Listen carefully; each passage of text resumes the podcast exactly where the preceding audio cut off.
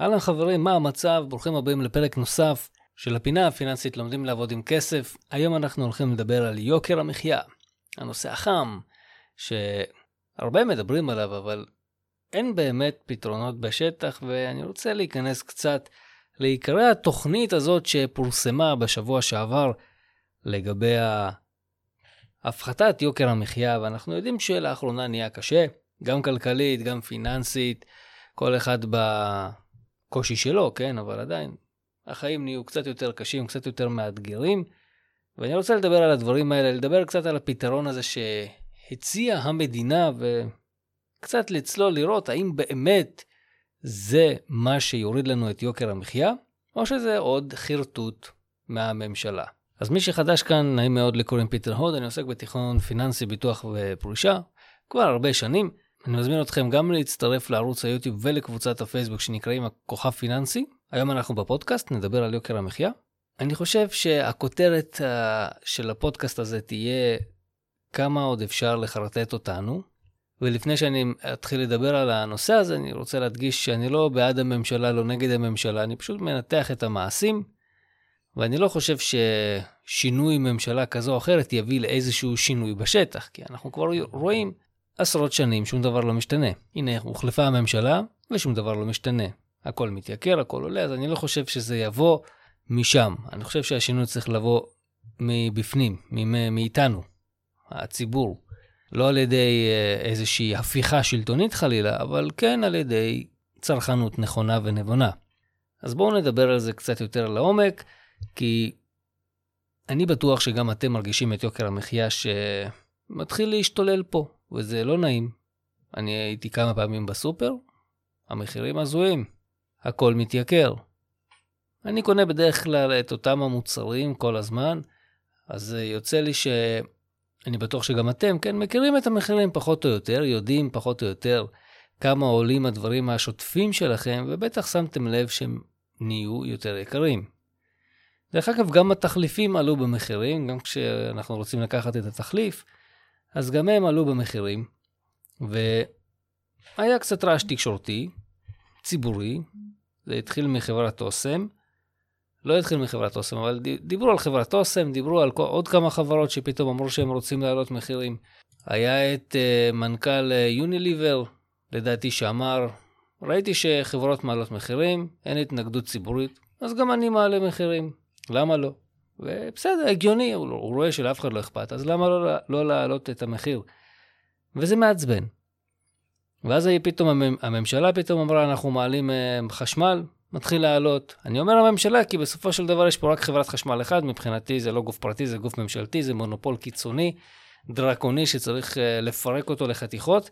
אבל זה מה יש, יש לנו חברת חשמל, אף אחד לא יכול להתנתק ממנה, אף אחד לא יכול לעשות מחאה חברתית כנגד חברת החשמל, אז מבחינתי חברת החשמל זו חלק מהמדינה. אה, שוב, אם תיכנסו לדוחות, אתם תראו שהמדינה מגבה אותה בהרבה תחומים פיננסיים, אז זה אותו גוף, לדע, אני מתייחס אליו כאותו גוף. וזה גוף דרקוני שהחליט אה, להעלות את החשמל ב-5.7% מהטענות שלו. אני בטוח שהוא ימצא טענות ללמה להעלות את מחיר החשמל. חלק מהעבודה שלו, למה לא? אני בטח אה, בטוח שגם ראיתם, אם לא ראיתם, אז כדאי שתראו את התוכנית אה, בטלוויזיה ששואלים אותם מה זה כל השורות הנוספות של העלויות הקבועות, כמו אה, עלות הפרסום, עלות הבדיקה, כל מיני עלויות כאלה הזויות שחברת החשמל תוקעים לנו, ווואלה, אין להם מי לדבר, כי לא באמת אכפת להם לדחוף לנו את ההוצאות האלה, כי אף אחד לא יתנגד כמעט, התנתקו מחשמל, אף אחד לא יתנתק מחשמל, אין מה לעשות.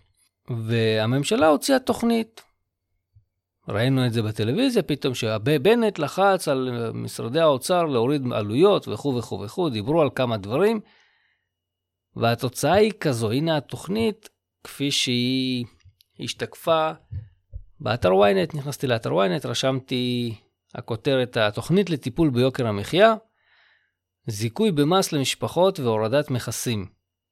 ואז קצת מדפדפים בזה, רואים את עיקרי התוכנית, שעיקרי התוכנית הם שהחשמל הולך להתייקר, כבר התייקר בעצם ב-3.4% במקום 5.7%.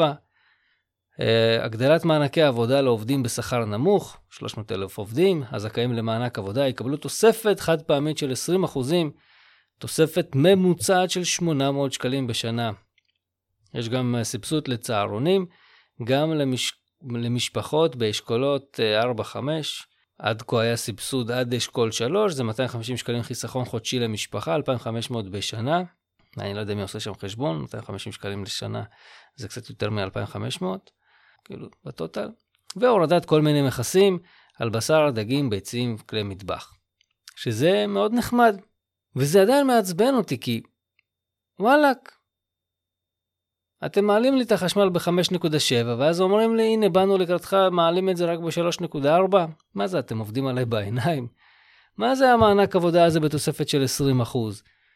מה זה הורדת אה, מכס, מכסים על ביצים, בשר, דגים, כלי עבודה, אמבטיות, כיורים וציוד חשמלי? תגידו, מה אתם רציניים? אני הייתי גר, גרתי ש, כמעט 25 שנה באותה דירה ולא החלפתי כיור. מה אכפת לי מהזה שאתם מורידים לי מכס על כיור? מה נסגר איתכם? תורידו מכס על דברים יותר פרקטיים. אני מבין, סבבה, ביצים זה על הכיפאק, בשר זה על הכיפאק, דגים זה על הכיפאק. מה עם פירות? מה עם ירקות? מה עם כל השוטף? מה עם הורדת המכס על בגדים? נעליים? דברים שאנשים משתמשים איתם בשוטף? כל מיני משחות שיניים, סבונים, שמפואים? מה אני אעשה עם אמבטיה וכיור? מה זה השטויות האלה? כלי עבודה, בסדר, כמה כבר אנחנו קונים כלי עבודה? כמה אנחנו כבר קונים ציוד חשמלי? פעם ב. אז אתה מוריד לי את ה-5% מכס, 12% מכס, אני לא יודע כמה מכס היום משלמים על הדברים האלה, אבל עדיין. זה לא מה שישפר לי את רמת החיים, זה שיש לי עכשיו כיור יותר שווה, יותר יפה. אה, והדבר עוד יותר ההזוי והמגניב באותה מידה, תוספת נקודת זיכוי לעובדים, אה, להורים עובדים עם ילדים מגיל 6 עד 12.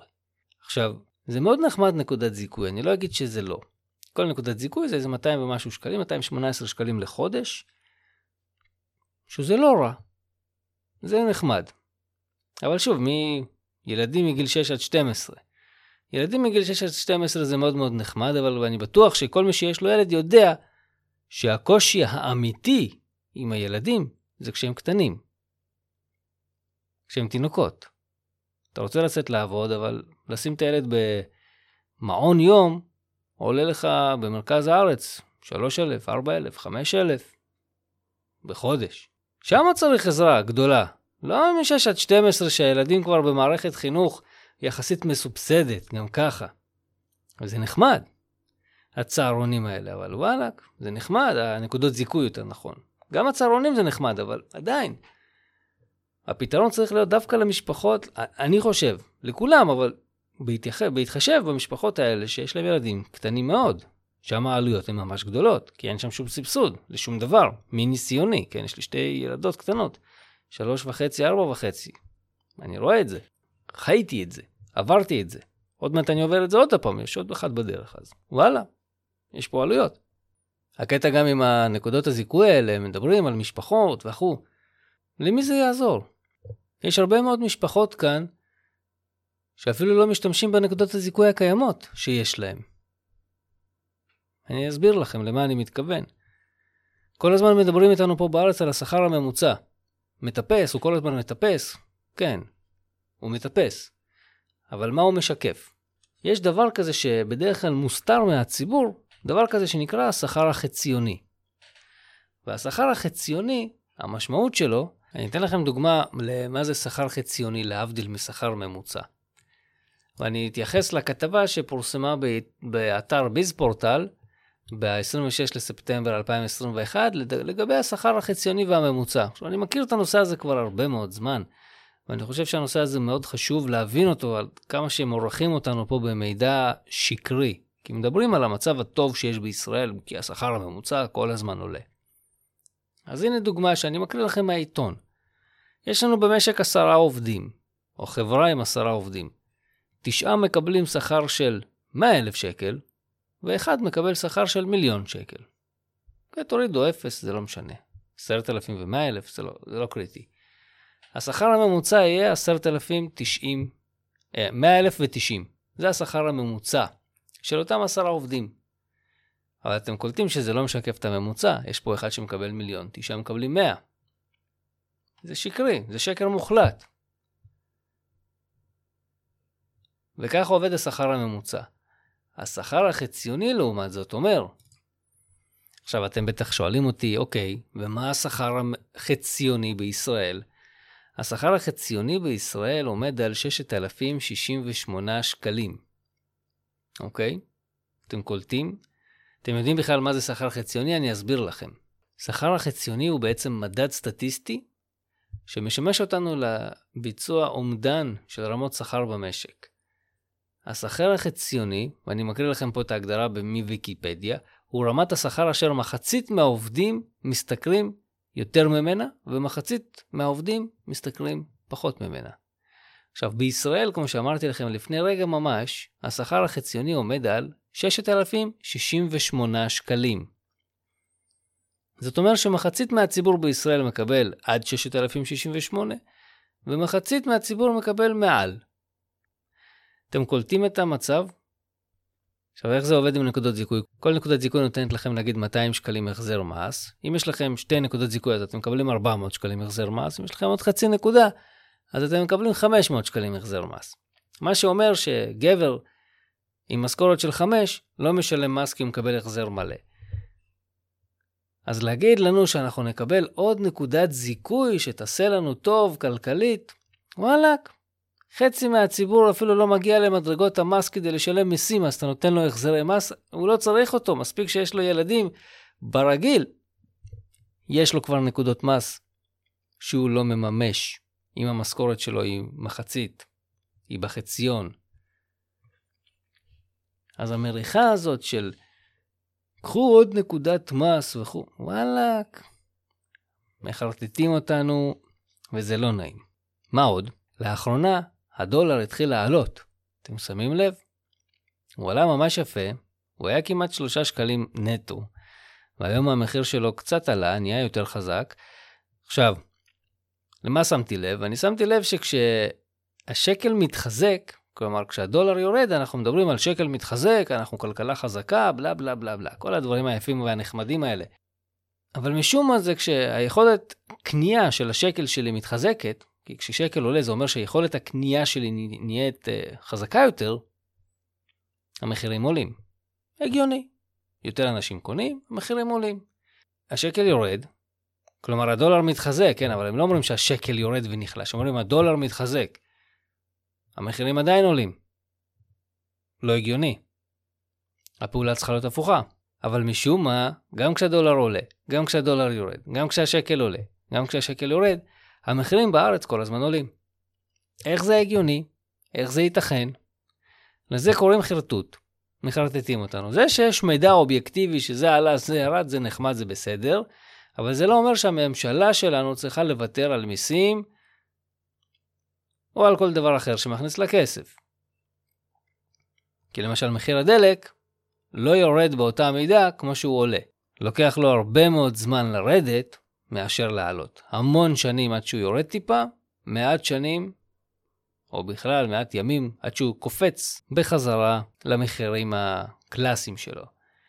עכשיו, למה כל הדברים האלה חשובים להתייחס אליהם? כי אני חושב שאנחנו חיים פה במדינת ישראל, בסדר, אין לנו בית אחר, לי אין בית אחר, אין לי, אין לי, אין לי לאן ללכת, אני גם לא מתכוון ללכת, אבל זה חשוב לצרכנות הנכונה. זה אומר שאם אתם רוצים להחרים משהו, זה משהו מעצבן אתכם, אז תעשו איזושהי פעולה.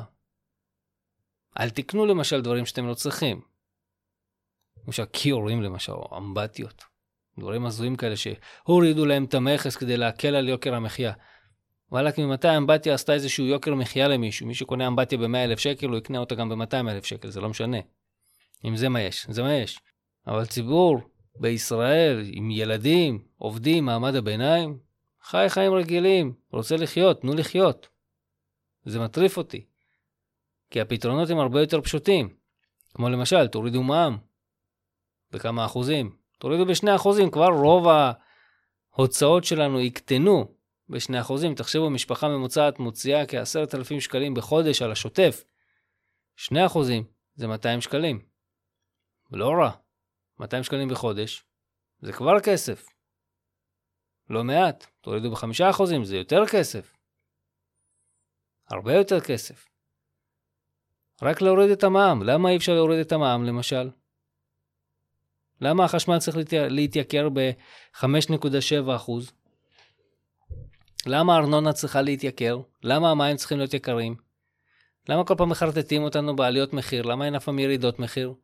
טכנולוגיה מתקדמת, יש הרבה דברים שאנחנו יכולים לעשות בזול יותר, מהר יותר, ביעיל יותר. המחירים צריכים לרדת, לא לעלות כל הזמן, בלי סיבה. כי לפני הקורונה המחירים עלו, אמרו, בסדר, יש ביקושים. אחרי הקורונה המחירים עולים, אומרים, יש עניינים של שילוח, יש זה. וואלכ, מה אתם מחרטטים? תפסיקו כבר. תנו לחיות. ואני חושב שאחת הדרכים הטובים ביותר שלנו לפעול היא על ידי צרכנות נכונה.